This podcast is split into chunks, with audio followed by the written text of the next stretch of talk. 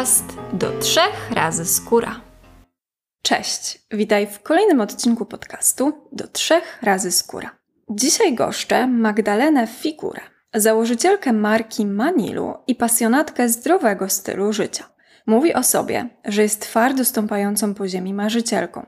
To właśnie marzenia doprowadziły ją do założenia Manilu, a ciężka praca pozwoliła rozwinąć ten pomysł i stanąć na czele szybko rozwijającej się firmy.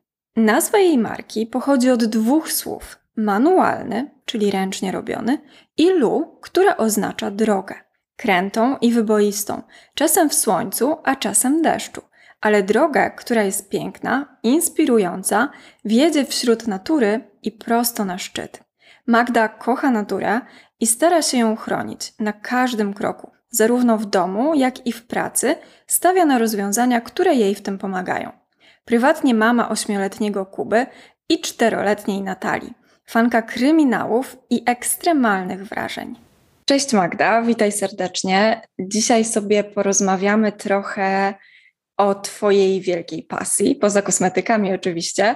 Porozmawiamy o byciu eko, ale od tej strony recyklingu i segregacji, bo to jest temat, o którym dosyć mało się mówi, a jest on Ci bliski. Także witaj w podcaście i zapraszam do rozmowy.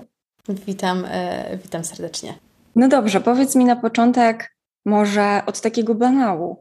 Dlaczego segregacja śmieci jest taka ważna? Dlaczego segregacja śmieci e, jest taka ważna? Ponieważ no, śmieci jest coraz więcej i chyba, i chyba każdy już e, zdaje sobie z tego sprawy, że produkujemy coraz więcej śmieci, bo wszystko, co kupujemy, jest opakowane w plastik. Już się pojawiły nawet e, w niektórych sklepach, na przykład pojedyncze banany czy pojedyncze owoce opakowane, więc ilość tego plastiku przeraża, już zaczyna przerażać, tak? A rozkłada się to strasznie długo. E, zaśmiecamy sami siebie, zaśmiecamy miejsca, które na Ziemi, które są piękne i które są e, przeznaczone do odpoczynku i żeby się delektować tą przyrodą. Okazuje się, że jedziemy, w, jedziemy nad morze, jedziemy w jakieś tropikalne miejsca i tam zamiast pięknej plaży są po prostu, leżą po prostu śmieci, tak? Idziemy do lasu i ktoś sobie robi wysypisko w lesie. E, zaśmiecamy sami siebie po prostu. Wiesz co, to jest coś, co mnie bardzo wkurza i zawsze się tak zastanawiam, Ile pracy wymaga zebranie wszystkich śmieci z domu, wpakowanie ich do samochodu, zawiezienie do lasu, schowanie ich gdzieś w krzakach i powrót do domu? Czy nie prościej jest po prostu wyrzucić to w miejsce, które jest do tego dedykowane? To zawsze mnie zastanawia. Mi, by się nie chciało na przykład, no, powiem szczerze, ale no to jest pewnie kwestia kosztów, tak?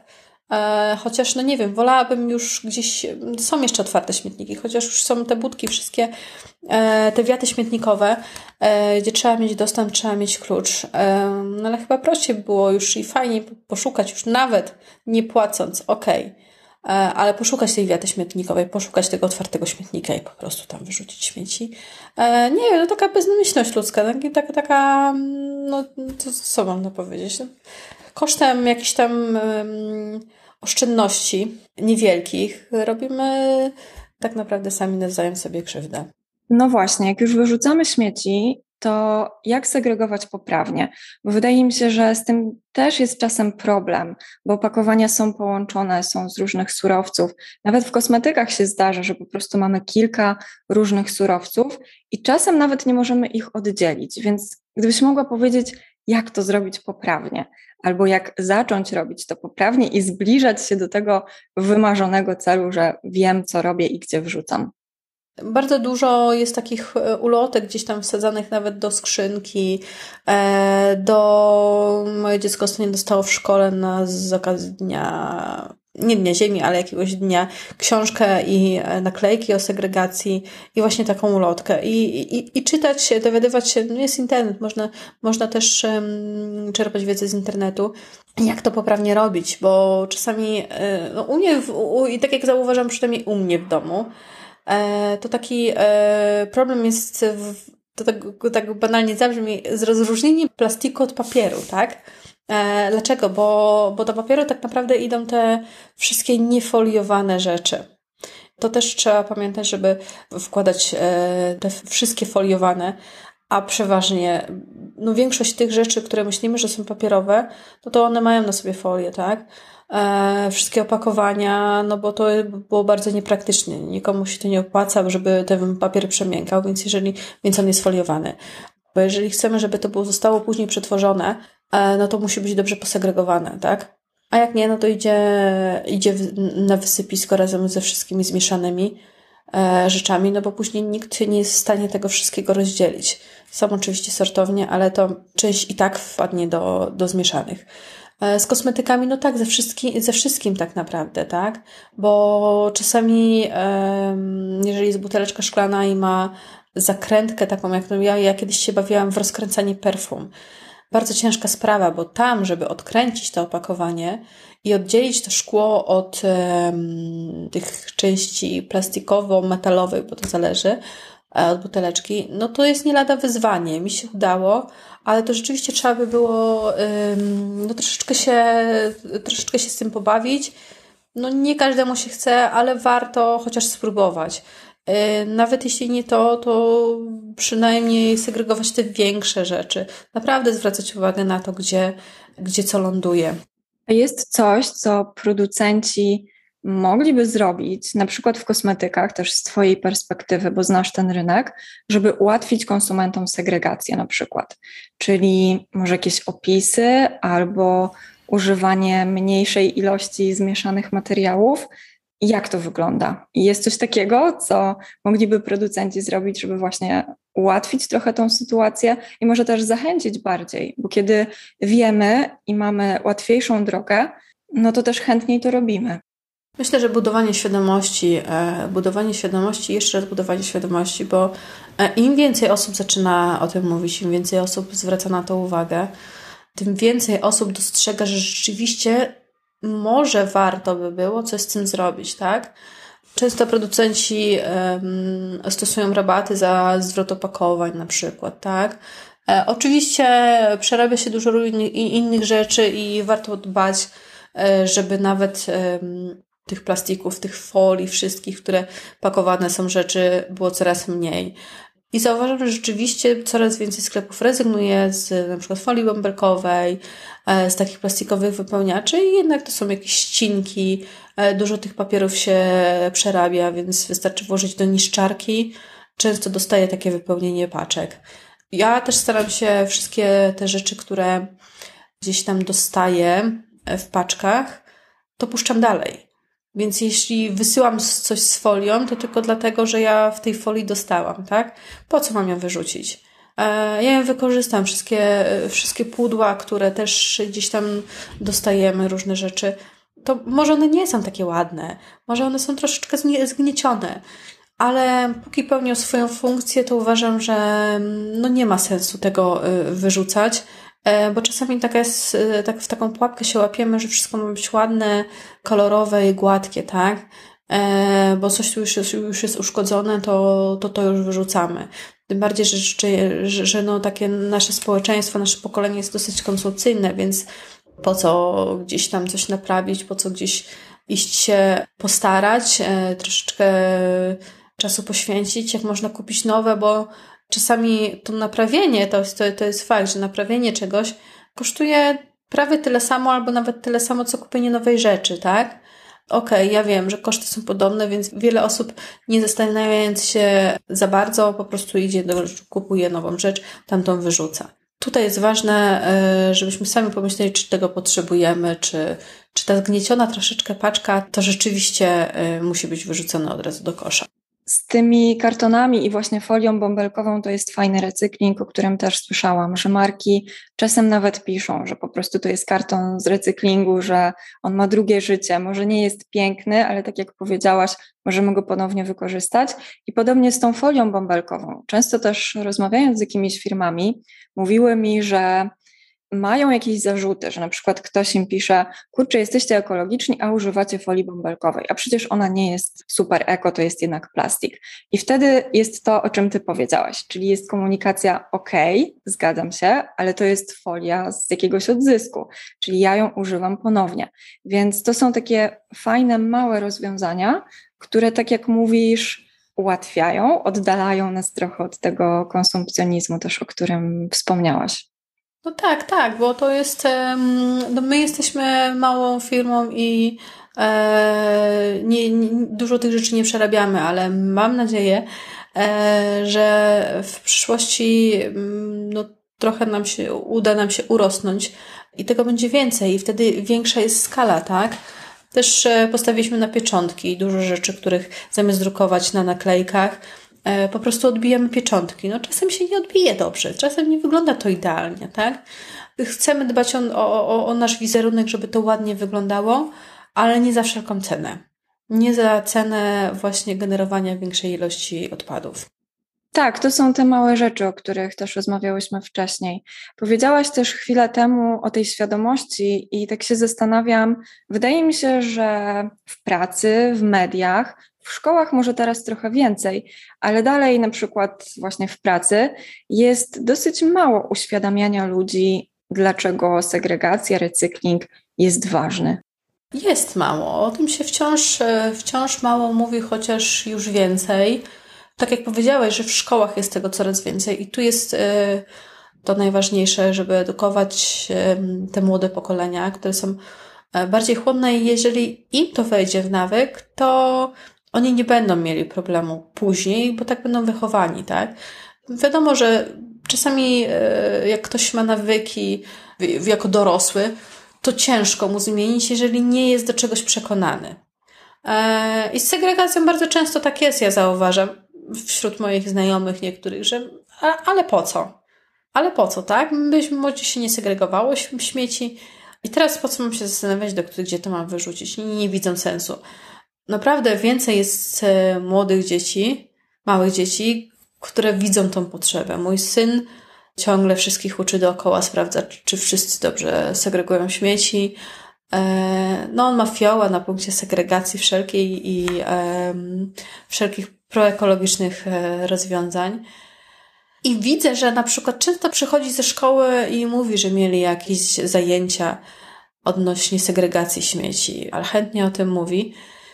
E, więc tutaj bardzo fajnie i to jest na plus, tak? Jeżeli im to wejdzie w krew, to jeżeli oni będą w naszym wieku, to nie trzeba będzie nikomu tłumaczyć, że jest potrzeba segregacji śmieci. Fajnie, że i dzieci, i właśnie młode pokolenie jest już takie świadome. Czy ty jako firma albo jako rodzina, albo jako osoba miałaś jakieś zagwozdki i trudności w byciu eko przy właśnie segregowaniu czy recyklingu? Może też miałaś jakieś wątpliwości, czy w ogóle to ma sens, skoro na przykład tylko ty to robisz? Nie, to, to znaczy, czy, czy miałam wątpliwości, czy to ma sens? Nie, nigdy, nigdy mi nie przyszło do głowy, po co my to robimy. Ja wiem, po co my to robimy i jestem tego świadoma i e, wystarczy sobie kliknąć dowolny filmik na YouTubie o segregacji, o, o zaśmiecanych plażach i myślę, że to jest naprawdę to, jak to zobaczymy, jak to wygląda naprawdę. Ostatnio widziałam taki filmik właśnie. Ktoś pojechał na taką praktycznie bezludną wyspę. Praktycznie bezludną w sensie takim, że to totalnie odosobniona, tak? I, e, i widziałam e, relacje z tej, z tej wysepki pięknej i po prostu nie dało się nawet przejść przez tą plażę. Poważnie. E, nie dało się przejść przez, to, przez tą plażę. To była piękna okolica, e, no bo było tyle śmieci. Może wyrzuciło tyle śmieci na plażę, że no byłam w szoku, tak? Byłam w szoku, więc e, po takich filmikach no to ja nie mam żadnych wątpliwości.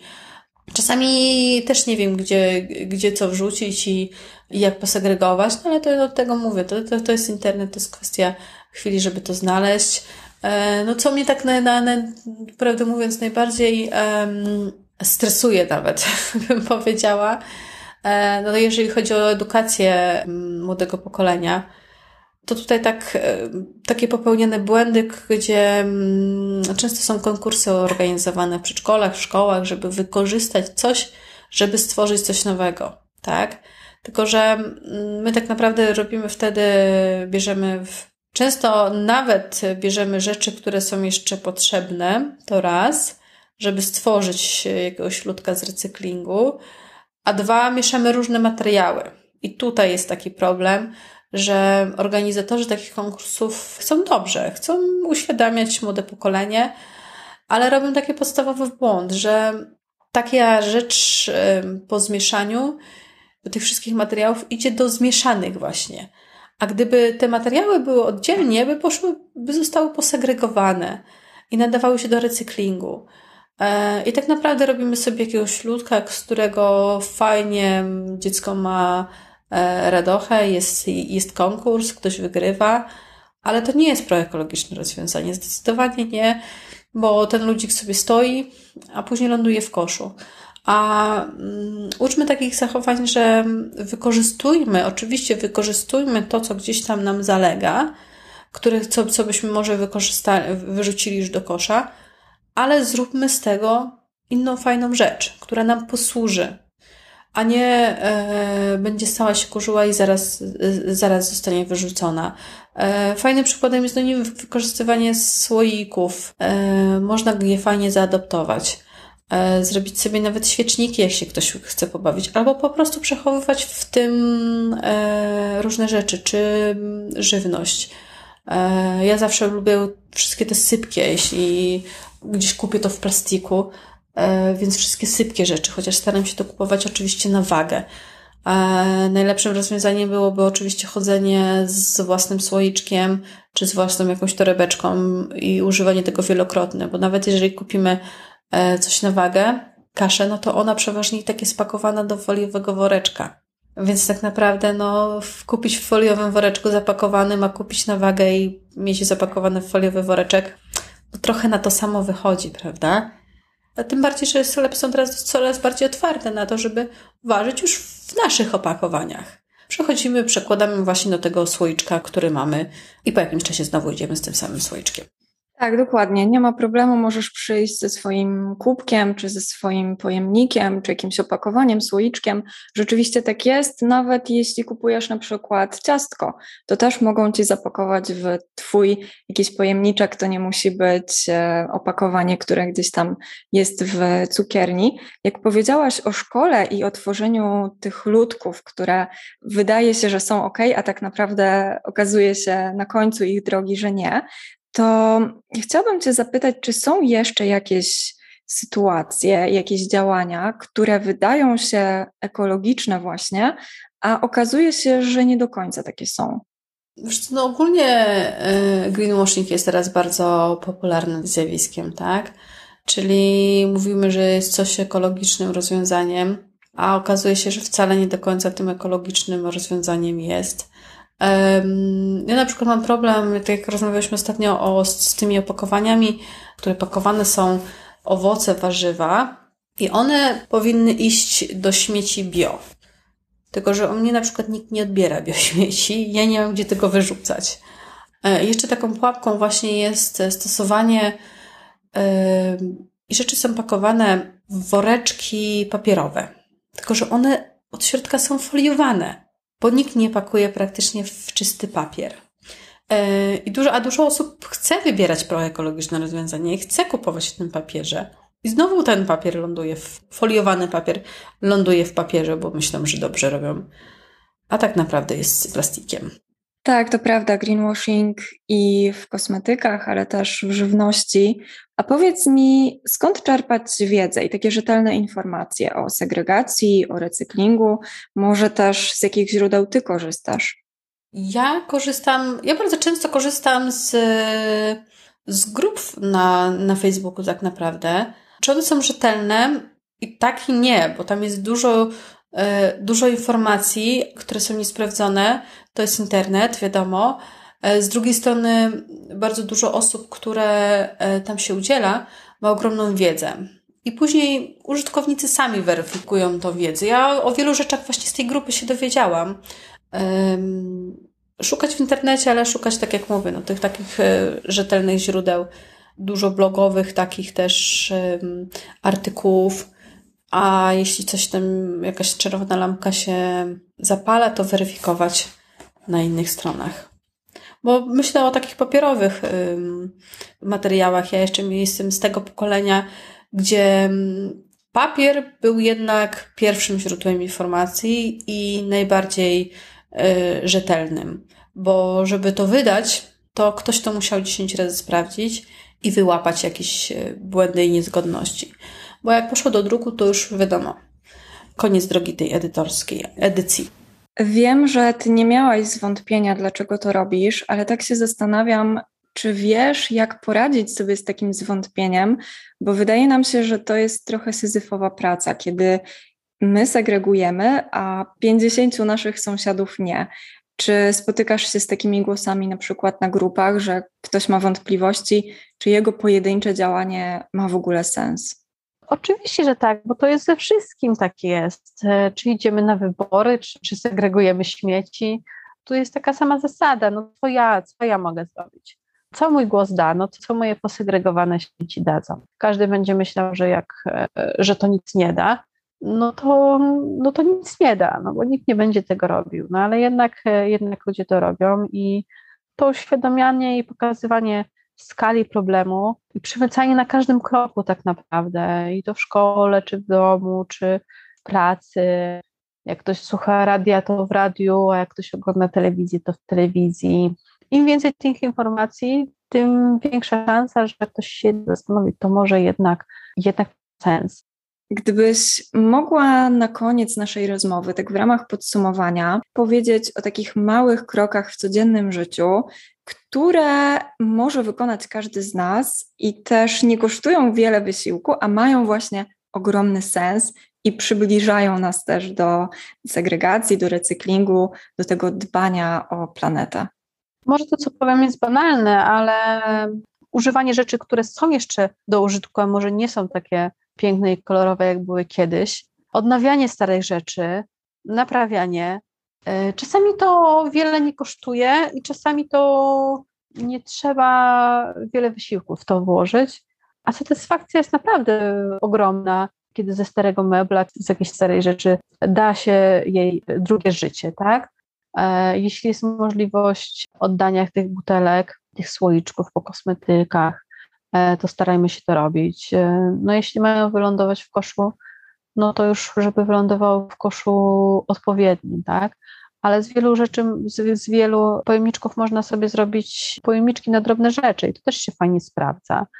E, na waciki na przykład też, chociaż no tutaj bym polecała używanie jednak wielorazowych wacików e, niż tych jednorazowych. No myślmy, co robimy, myślmy, co robimy e, i co możemy jeszcze zrobić, żeby tyle nie produkować. Po naszej rozmowie też dodałabym od siebie, żeby dawać przykład dzieciom, bo naprawdę warto, dlatego że obserwują i powtarzają te działania, o czym mówiłaś właśnie dzisiaj na przykładzie swojego syna. Bardzo dziękuję Ci za dzisiejszą rozmowę niekosmetyczną, chociaż troszkę jest związana oczywiście z branżą beauty. Moim gościem była Magda Figura z marki Manilu. Bardzo Ci dziękuję za dzisiejszą rozmowę.